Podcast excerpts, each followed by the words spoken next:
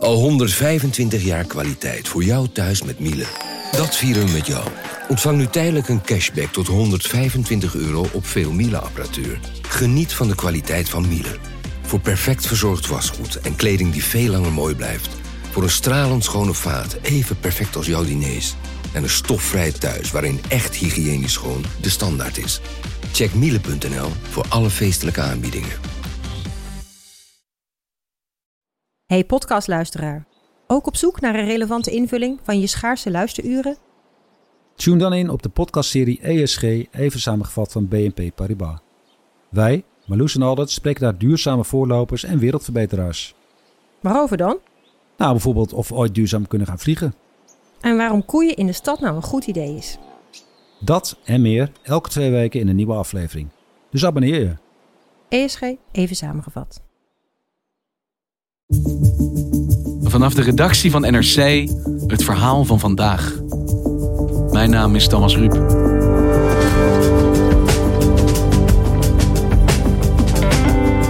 Hij levert stroom zonder dat hij CO2 uitstoot. Hij is niet afhankelijk van zon of wind en hij bestaat al meer dan 60 jaar. De kerncentrale. Voor het eerst in tijden hoor je vanuit de politiek positieve verhalen over kernenergie. De oude bezwaren over gevaren zijn onder druk van de klimaatcrisis naar de achtergrond verdwenen. Heeft kernenergie weer toekomst in Nederland?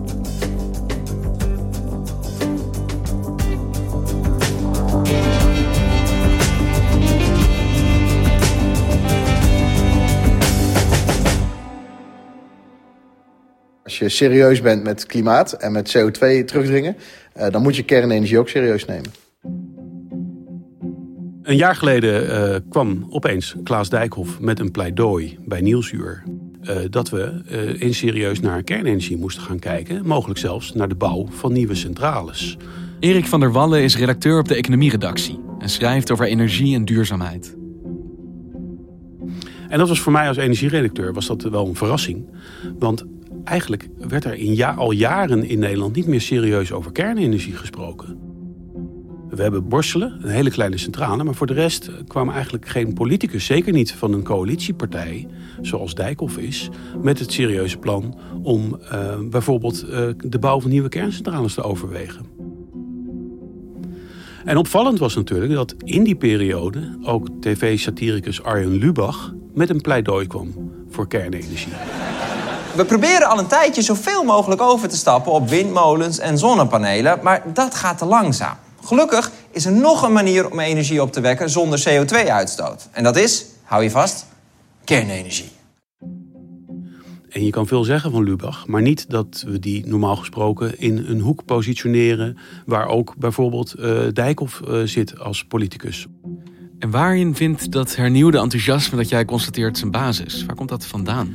Dat is toch dat een kerncentrale dag en nacht kan draaien zonder CO2 uit te stoten en een relatief grote hoeveelheid stroom kan produceren. En daar zijn we eigenlijk met z'n allen op zoek naar een manier om die CO2-uitstoot uh, te beperken, die je natuurlijk wel hebt bij kolencentrales en in mindere mate bij gascentrales.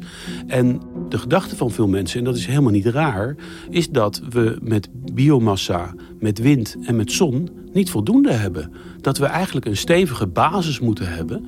En de gedachte is dan dat de kerncentrale, meerdere kerncentrales, voor zo'n basis kunnen zorgen. Dus het komt eigenlijk vanuit klimaatoverwegingen ook dat kernenergie nu weer een soort nieuw elan krijgt, mogelijk. Zeker, want het Klimaatbureau van de Verenigde Naties heeft ook aangegeven, het IPCC, dat het heel lastig is om uh, naar een zeg maar CO2-uitstootloze uh, uh, samenleving te gaan met voldoende energie zonder kernenergie. Het IPCC zegt dus, we kunnen eigenlijk niet zonder kernenergie. We moeten wel. En veel milieuclubs, Greenpeace bijvoorbeeld, die zitten gewoon nog in de ontkenningsfase. Voor mijn gevoel staan kernenergie en klimaat uh, juist precies de tegenovergestelde kanten. Zeg maar. Als je het hebt over kernenergie, dan hoor je altijd gevaren voor het klimaat, afval, kernrampen. Uh, of zie ik dat verkeerd? Um, zeker in het begin werd daar niet zo naar gekeken. Was kernenergie een uh, ja, veelbelovende manier om voor veel stroom te zorgen.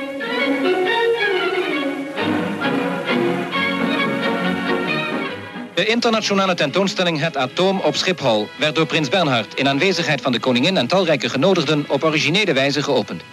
De prins bewoog een speciaal verwijderde staf waarin zich uranium bevond langs een Geigerteller. En zoals het er thans naar uitziet, zal in 2000 reeds 40 à 50 procent der productie in kernenergiecentrales plaatsvinden. Uh, ik kan me ook niet herinneren dat bijvoorbeeld rond de bouw van Borselen in, Nederland, die in, sinds 1973 draait, dat er toen heel veel protesten tegen zijn. Het was, was eigenlijk een zegen. Uh, zo werd er ook natuurlijk in die periode naar nieuwe technologie gekeken. Um, die protesten zijn denk ik pas ontstaan. Um, en dan kan het, het eerste ongeluk wat ik mij kan herinneren, of misschien bijna ongeluk, was in 76 in Harrisburg in de Verenigde Staten. The accident occurred here at the Three Mile Island nuclear power plant a dozen miles south of Harrisburg. At about 4 o'clock this morning, two water pumps that help cool reactor number 2 shut down.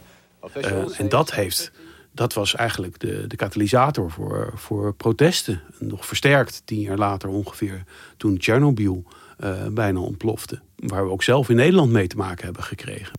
Over de rampzalige gebeurtenis in de kerncentrale zeggen de Russen dat die onder controle is. Um, dat we niet meer de eigen groente uit de tuin mochten verbouwen. Dus dat is het moment eigenlijk dat het imago van kernenergie begon te veranderen. Omdat we zo direct werden geconfronteerd met ook toch al de potentiële gevaren daarvan. Zeker. En ja, dat heeft natuurlijk wel geleid tot hele kritische vragen. En bij heel veel mensen ook tot uh, echt scherpe protesten tegen kernenergie. Almelo is het toneel geweest van een van de grootste demonstraties die in Nederland ooit tegen het gebruik van kernenergie werden gehouden. Tussen de 30 en 40.000 mensen marcheerden in een 7 kilometer. Zo was de situatie bij de kerncentrale van Dodewaard... op de zaterdag van het weekend waarop de blokkade zou worden uitgevoerd. Want dat hebben we inderdaad de hele jaren 80 en 90 gehoord... tot met grote protesten toe, kernenergie is onveilig. En waarom lijkt dat argument dan niet meer te gelden? Waarom hoor je dat niet meer? Nou, in, in ons deel van de wereld uh, zijn kerncentrales sowieso veiliger geworden. Er worden veel uh, strengere eisen gesteld. Maar het blijft natuurlijk een uh, installatie waarin met hoog radioactieve stoffen wordt gewerkt. Waarin met hoge temperaturen wordt gewerkt. Want hoe werkt zo'n kerncentrale? via de splitsing van uraniumatomen, wat in een reactor gebeurt, krijg je hoge temperaturen. En die hoge temperaturen worden gebruikt om stoom te produceren, dat weer een turbine aandrijft. Vergelijkbaar met zoals je dat in een kolencentrale verbrand je kolen om hoge temperaturen te krijgen. En bij het gas verbrand je gas. En hier is het dus de splitsing van hoog radioactief materiaal. En iedereen begrijpt dat dat wel met de nodige zorg moet gebeuren. Um, voor de nieuwe generatie uh, wordt uh, rekening gehouden met een, met een ongeluk eens in de 100.000 jaar. Met de, generatie, met de volgende generatie over 20, 30 jaar wordt de kans op een ongeluk geschat op 1 op een miljoen. Ja, maar dan vraag je natuurlijk wel af wat je hebt aan zo'n statistiek. Want ik kan me ook Japan nog herinneren. We hebben hier op de krant een factcheck gehad. Omdat toen heel veel uh, speculatie was dat als daar meer in zee zou lekken... dat misschien een groot deel van het leven op aarde uh, weggevaagd zou worden. Dus Zeker. Ja, maar met dat hoe soort... veilig is zo'n statistiek dan? Dat, dat is ontzettend moeilijk. Dat, je probeert natuurlijk enige zekerheid te hebben. Hetzelfde geldt voor de deltawerken. Uh, daar wordt ook met statistieken gewerkt. En um, wij vinden een brand minder eng dan iets met straling. Want dat kan je niet zien en daar kan je ziek van worden. En dat is een hele een angst waar je heel moeilijk mee om kan gaan, denk ik. een dreiging. Nog een ander probleem is het afvalprobleem. Corrosie heeft sommige vaten al aangetast. Andere vertonen beschadigingen. Het is dan ook te verwachten dat het kernafval binnen afzienbare tijd in de oceaan terecht zal komen, waarin de vaten gedumpt worden. We weten dat uh, dat hoog radioactieve afval nog duizenden jaren gevaarlijk kan blijven. En uh, daar is niet echt een oplossing voor.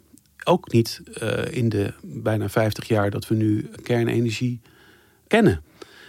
in Nederland bijvoorbeeld wordt het afval opgeslagen in Zeeland. En dat is afgesproken om dat voor een periode van 100 jaar in een gebouw bovengronds op te slaan. En rond 2130 dus over ruim 100 jaar, wordt dat waarschijnlijk opgeslagen in kleilagen. Er zijn nu plannen voor. Maar dat geeft wel aan dat we eigenlijk geen oplossing hebben. En dat is voor veel mensen natuurlijk ook een reden om heel kritisch ten opzichte van kernenergie te staan. Maar uh, in vergelijking met vroeger, toen het in de oceaan werd gestort, is het natuurlijk een hele vooruitgang. En jij zegt inmiddels zijn ze zoveel veiliger geworden dat veiligheid eigenlijk niet meer de eerste zorg is die mensen hebben als het hebben over kerncentrales. Ja, zeker. En waarom bouwen we dan niet veel meer kerncentrales? Het gaat om geld. Zeker in Nederland pakt een kerncentrale ontzettend duur uit. Het is niet voor niks dat minister Wiebes, als zoon van een kernfysicus, zoals hij heel vaak zegt, steeds laat zien dat hij absoluut geen tegenstander is van kernenergie. Hij zegt bijvoorbeeld voortdurend: het loket staat open. Bedrijven die, zich, die een kerncentrale willen bouwen, u kunt zo langskomen en uh, als eenmaal de vergunningen binnen zijn, kan je gaan bouwen volgens het staande beleid staat Nederland open voor kernenergie. Hebben we het loket en ontvangen wij uh, vergunningaanvragers uh, met koffie en een koekje erbij. Ja, het is geen oproep, het is een constatering om maar te laten zien dat hij geen tegenstander, en met zijn partij de VVD, dat hij geen tegenstander van kernenergie is. Alleen in de praktijk, zeker tot 2030, is kernenergie niet echt, wordt niet in Den Haag echt als een optie gezien. Want het klimaatakkoord waarin de afspraken zijn gemaakt, dat loopt tot 2030. Ja, zeker. En dat heeft alles met geld te maken. En op het moment dat je iets te duur vindt, of, of het zelfs niet wil en niet wil betalen, dan gaan de argumenten van uh, de risico's van afval en veiligheid, die gaan automatisch naar de achtergrond. Want je gaat het ook niet. Je gaat het toch niet doen, omdat het te duur is. En waarom is het dan te duur? door de Nederlandse situatie. Omdat wij een Noordzee hebben die relatief ondiep is, waar we windparken kunnen zetten. Windenergie is veel goedkoper aan het worden, terwijl kernenergie veel duurder aan het worden is. Dus het is net als um, dat je. Um, wij gaan ook niet in gesprek over het feit dat je in een Ferrari geen kinderzitje kan plaatsen. Want die Ferrari kopen we toch niet. Het is te duur, dus het gebeurt toch niet. Precies. Maar als de regering aan de ene kant zegt, we vinden het te duur, dus voor ons is het helemaal geen optie om dat nu te gaan bouwen. Maar tegelijkertijd zegt Wiebes, het loket staat open, dus meld je maar. Hoe kan het dan dat er geen commerciële partijen zijn die zich bijvoorbeeld melden en denken, nou, wij gaan dit wel proberen? Uh, omdat ook commerciële partijen te maken hebben met ontzettend hoge bouwkosten. Dat gaat zo over 10 miljard. Daar komt nog eens bij dat voor die bedrijven de verplichting bestaat om ook meteen uh, geld te reserveren voor de ontmanteling van een kerncentrale. Dan moet je snel denken aan 30% van de kosten. Dus dan heb je het ook over 3 miljard. Dat zijn allemaal geen aantrekkelijke zaken. Uh, maar zijn er geen subsidies voor? Subsidieert de overheid dit niet als dit wel mogelijk een schone oplossing zou kunnen zijn? Nee, hernieuwbare energie wordt door de overheid uh, gesubsidieerd. En uh, ja, het is een kwestie van definitie of, of kernenergie daarbij hoort. Maar de eis is eigenlijk wel dat het voor 2030 um, ook daadwerkelijk operationeel moet zijn. Dus een windpark ook echt gaat draaien. Ook zonnepanelen ook echt energie leveren. En de verwachting is dat kerncentrales door de complexiteit, door de vergunningen, door de veiligheidseisen waarschijnlijk helemaal niet in 2030 klaar zijn als je nu besluit tot de bouw. Maar dat is bijna een catch-22 situatie. Uh, je kan hem niet bouwen want er is geen subsidie. Uh, maar je krijgt geen subsidie omdat hij niet op tijd klaar is. Zeker, ja. Maar als jij Dijkhoff dat dan op televisie hoort zeggen... tegelijkertijd moet hij ook weten dat de huidige situatie is... dat er gewoon no way is dat hier nog een kerncentrale wordt gebouwd. Waarom doet hij dan toch die oproep? Heeft dat dan wel zin?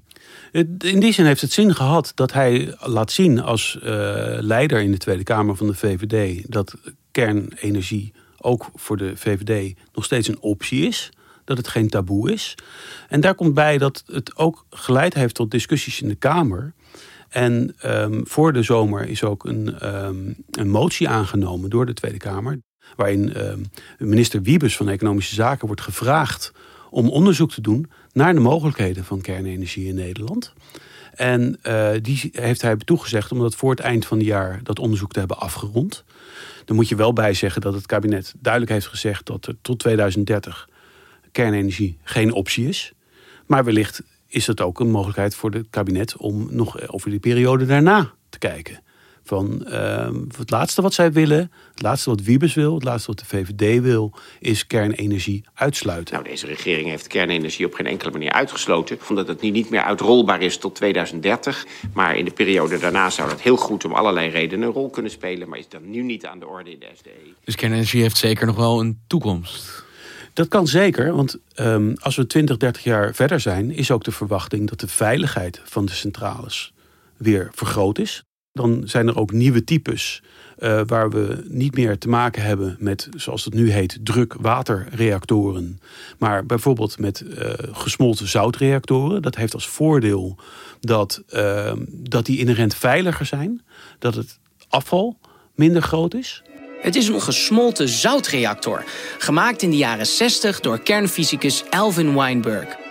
De methode van Weinberg levert veel minder radioactief afval op, dat niet tienduizenden jaren radioactief blijft, maar slechts 300 jaar.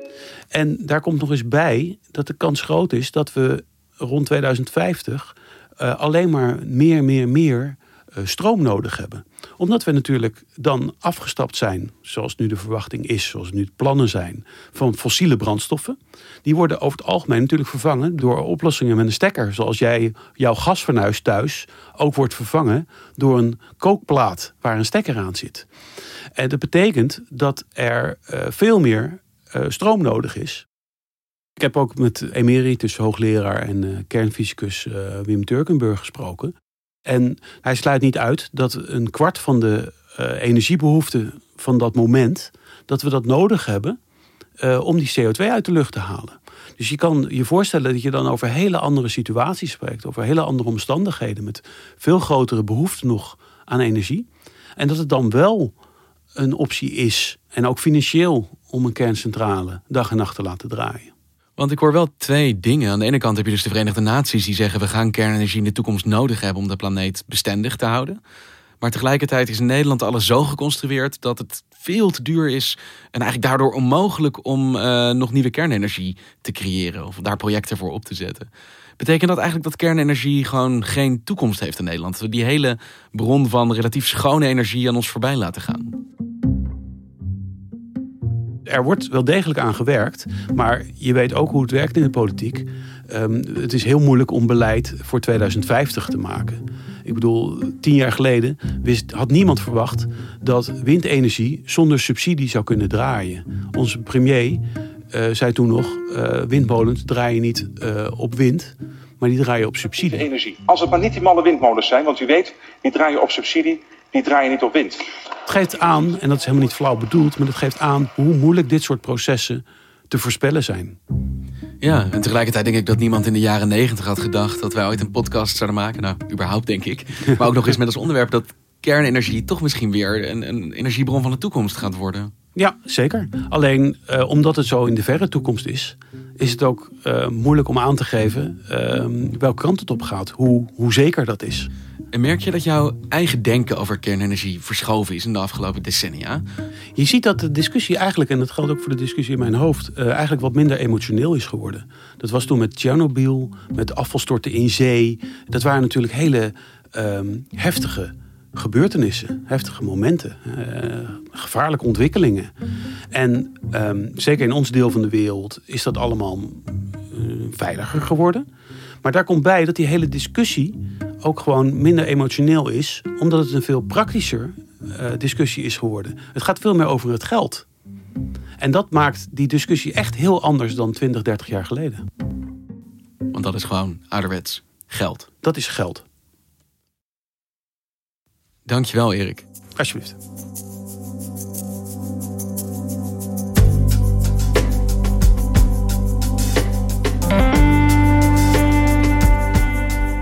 Je luisterde naar vandaag, een podcast van NRC.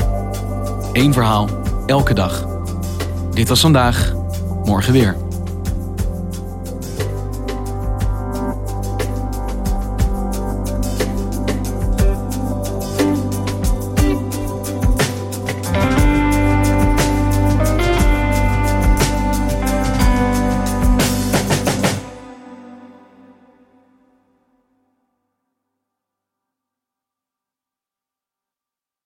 Technologie lijkt tegenwoordig het antwoord op iedere uitdaging. Bij PwC zien we dit anders.